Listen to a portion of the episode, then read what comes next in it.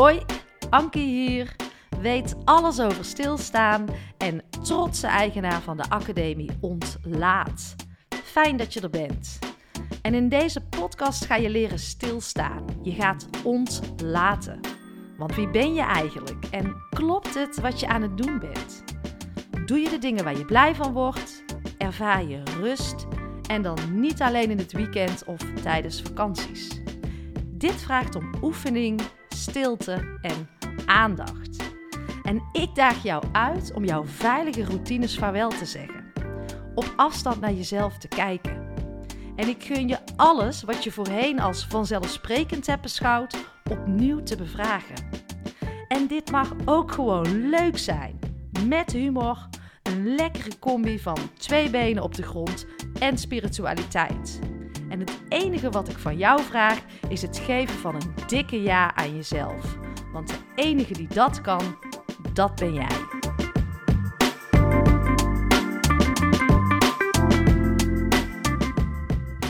Lieve luisteraars, welkom. Fijn dat je er weer bent. Fijn dat je luistert. Na deze keer toch wel een klein beetje een uh, nasale ankie. Ik heb een heerlijk verkoudheidje. En dat begint al met zo'n lekker schapertje in de keel. En nu is alles uh, los aan het komen. Maar gelukkig mag er ook nog iets zijn als gewoon verkouden zijn. Nou, dat heb ik dus. En is mijn uh, lichaam prima in staat om dat op te ruimen. En uh, ja, je voelt jezelf natuurlijk minder, je hebt minder energie. Nou, daar luister ik dan lekker naar. En zorg, goed, zorg extra goed voor mezelf, zodat de verkoudheid snel over is. En laat het er ook gewoon lekker zijn. Want het is gewoon iets wat, uh, wat erbij hoort. Nou, waar wil ik het in deze Anki Only over hebben? Dat zijn de thema's schaamte en afwijzing. En in de vorige Anki Only, en daar wil ik eerst even naar terug, sprak ik over ik en de ander. Want hoe sta jij in relatie tot jouw omgeving, zowel werk als uh, privé? Ben jij een pleaser? Uh, conflictvermijdend? Voel je je snel afgewezen? Of raak je juist te snel in een uh, conflict? Spreek je jezelf te snel uit? Zijn jouw relaties op basis van uh, gelijkwaardigheid en onafhankelijkheid? spreek je jouw behoeftes uit? Het zijn interessante thema's om voor jezelf eens te verkennen, te onderzoeken. want welke patronen liggen daar voor jou onder? Waarom doe jij de dingen zoals je ze doet? En als je daar meer bewust van wordt, uh, krijg je prachtig mooie inzichten uh, om ook eens te kijken hoe jij dus veel meer naar die relaties toe kan op basis van gelijkwaardigheid. En dat geldt niet alleen in de relatie met je partner, maar ook met jouw collega's, uh, je kinderen, je vrienden, je familie. Um, vaak zijn het dezelfde patronen die daaronder liggen. En vind jij het tof om dat voor jezelf ook verder te verkennen? Dinsdag 21 juni geef ik vanuit de Ontlaat Academie een uh, live webinar. Deze is uh, gratis. En dan gaan we het hebben over het thema ik en de ander. En dan ga jij voor jezelf onderzoeken hoe zit het voor jou. En dat doe je helemaal lekker op je eigen manier. Jij ziet ons, wij zien jou niet, dus verwacht niet een schermpje met allemaal hoofdjes. En dan kan jij lekker op jouw manier aan de slag met het thema ik en de ander, mocht het jouw interesse wekken. In de show notes uh, zet ik een linkje, schrijf jezelf in en uh, dan volgt de rest vanzelf. Nou, afgelopen vrijdag was dus onze trouwdag. En uh, zo'n dag uh, ja, willen we toch altijd intens beleven, mooie herinneringen ophalen, het videootje nog eens kijken. En s'avonds uh, zijn we lekker uit eten geweest. Ik vind dat je mooie momenten moet vieren. Ik vind dat je sowieso het leven mag vieren en stil mag staan bij mooie momenten in het leven, maar ook echt bewust in het nu mag leven. Maar afgelopen vrijdag hadden wij ook een uitvaart. Ja, zo dicht bij elkaar kan het uh, liggen. Om 11 uur s ochtends, de vader van een vriend uh, is overleden. Heel verdrietig. Maar ik heb wel beseft dat ja, leven en dood ligt gewoon super dicht bij elkaar. Maar het centrale thema wat boven bleef van die dag was de liefde. En ik ga je meenemen waarom ik dat zo heb uh, ervaren. Onze vriend die uh, sprak zijn vader toe tijdens de uitvaart. En dat was zo liefdevol. zo intens. Die kwam zo binnen bij mij. En ehm, ja, hoe, hoe, hoe liefdevol hij naar zijn vader sprak, was echt, echt fantastisch. En hij zei: Pa, je hebt mij twee dingen geleerd.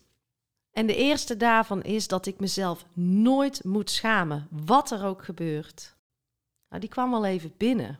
Want ik geloof dat wij onszelf best vaak en snel schamen over nutteloze dingen. Maar dat was een les van zijn vader. En, en onze vriend zei ook, die ga ik doorgeven aan mijn eh, kinderen.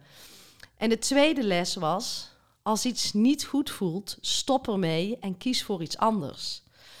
En die kwam bij mij ook binnen, omdat ik daar helemaal in geloof. En ik vond het zo mooi dat onze vriend dat eruit pikte als twee levenslessen. En toen dacht ik, ja, die zijn ook zo belangrijk.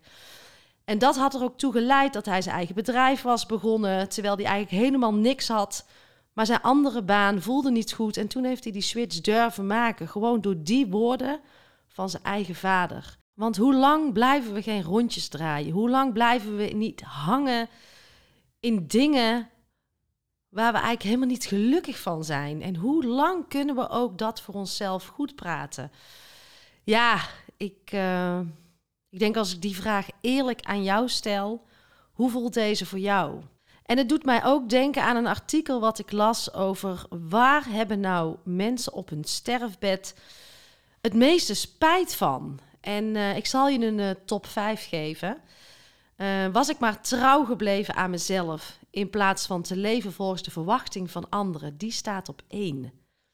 Moet je kijken, joh. Hoe ver wij dus pleasen en leven naar de verwachting van een ander, terwijl we niet echt naar ons eigen hart luisteren. En op 2 staat: Ik wou dat ik niet zo hard had gewerkt. Spijt op je sterfbed. Ik wou dat ik niet zo hard had gewerkt. En ik voel dat heel veel mensen een intern verlangen hebben um, voor minder drukte, meer rust in hun lijf, niet altijd werken, maar dat ze daar bijna zelf niet uitkomen. Het zijn zulke hardnekkige patronen waar ze in zitten. En dit raakt ook meteen de thema's schaamte en afwijzing. Want stel eens dat je wel zou zeggen dat je jezelf uitspreekt: Ik wil niet meer zo hard werken. Wat dan? Doe je dan nog mee? Dan raakt het uh, afwijzing, maar direct ook schaamte. Want wie ben je dan? En dan voel je je misschien zwakker of dat je liever iets anders wil. Dat zit zo diep. Maar wacht jij hiermee tot op je sterfbed dat je niet meer kan handelen of ga je nu handelen? En op drie staat, ik wou dat ik de moed had gehad om uh, mijn gevoelens wat meer te uiten. Hoe komt het waarom we toch zo'n binnenvetter zijn? We hebben behoeftes, we hebben verlangens. En waarom houden we die voor onszelf? En wat is dat toch? Hè? Dat we wachten met leven totdat het bijna te laat is. Er moet iets gebeuren en dan komt dat omkeerpunt. Terwijl we van binnen al heel lang zo'n vuurtje hebben wakkeren. Een verlangen, een behoefte, een gevoel waar we niks mee doen.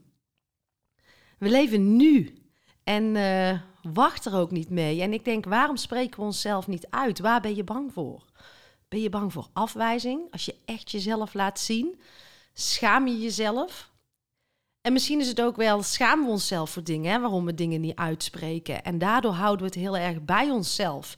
Uh, misschien is er iets in je relatie waar je niet trots op bent.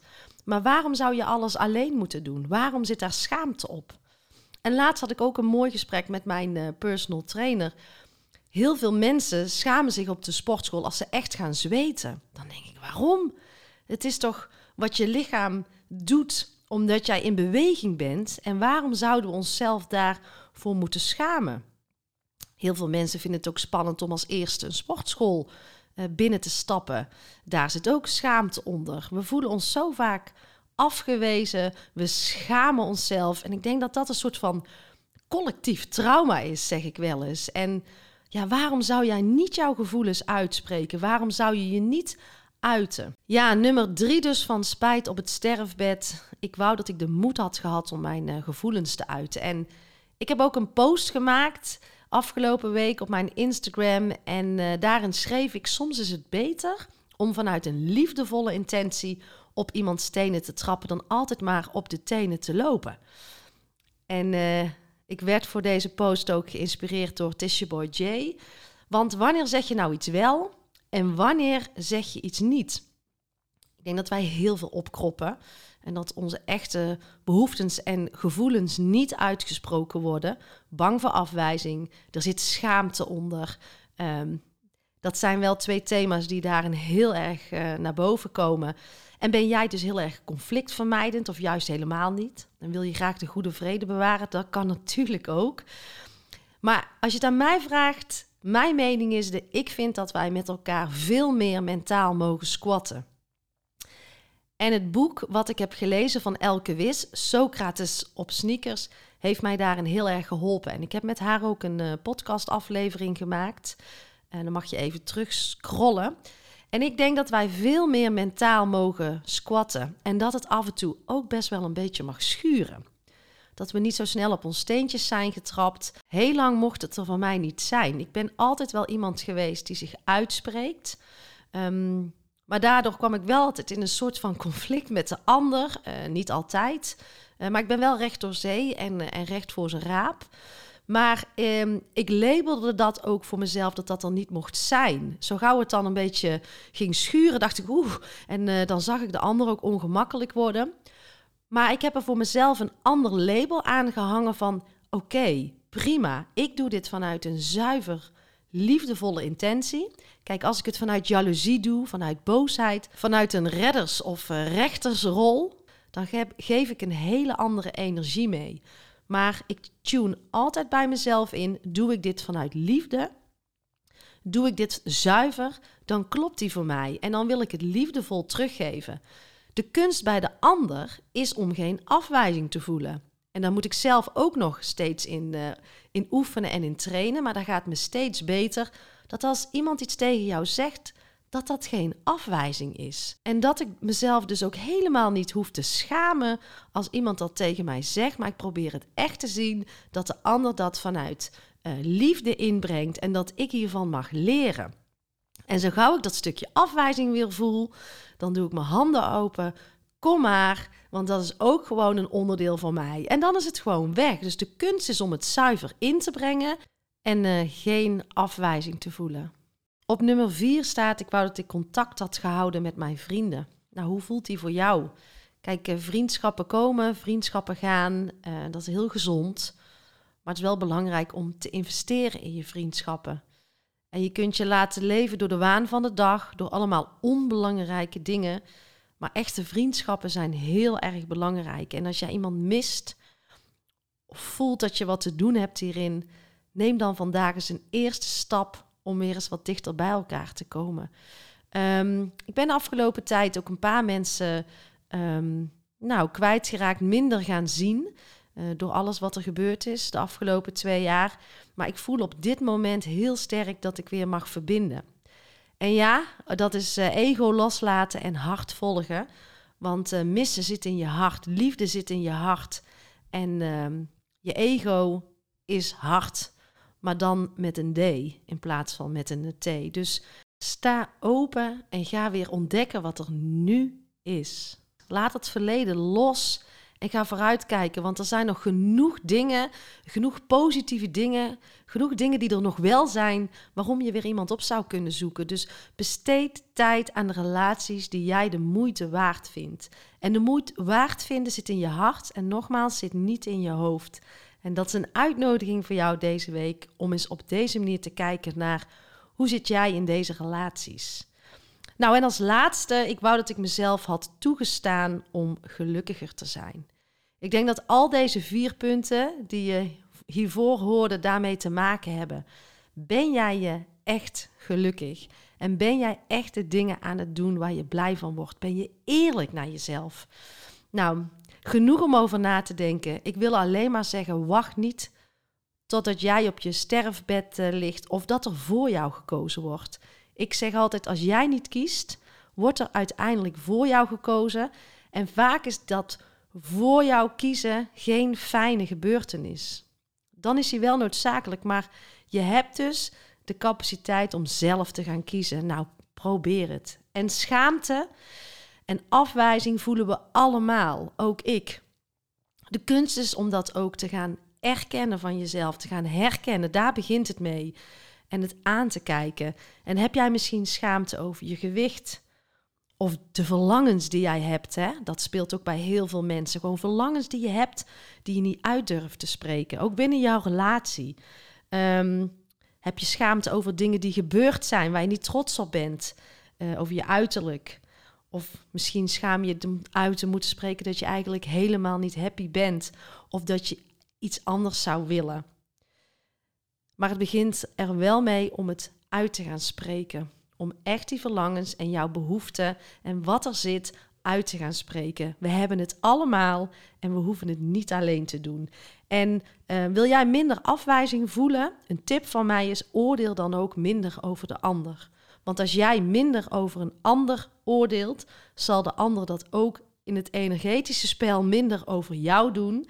En daardoor ga je automatisch ook minder afwijzing voelen. Dus er zijn dus knopjes die jij in jouzelf kan veranderen om hiermee aan de slag te gaan. Nou, ik uh, wens jullie een onwijs mooie dag. En uh, ik ben heel benieuwd naar jullie inzichten uit deze aflevering. En wil je de verdieping in, kom dan 21 juni naar ons eh, online webinar. In de show notes staat het linkje. Dan gaan we het hebben, echt hebben. En dan gaan we de verdieping in over ik en de ander. Heb een hele mooie dag en uh, ik ben er vrijdag weer. Tot dan.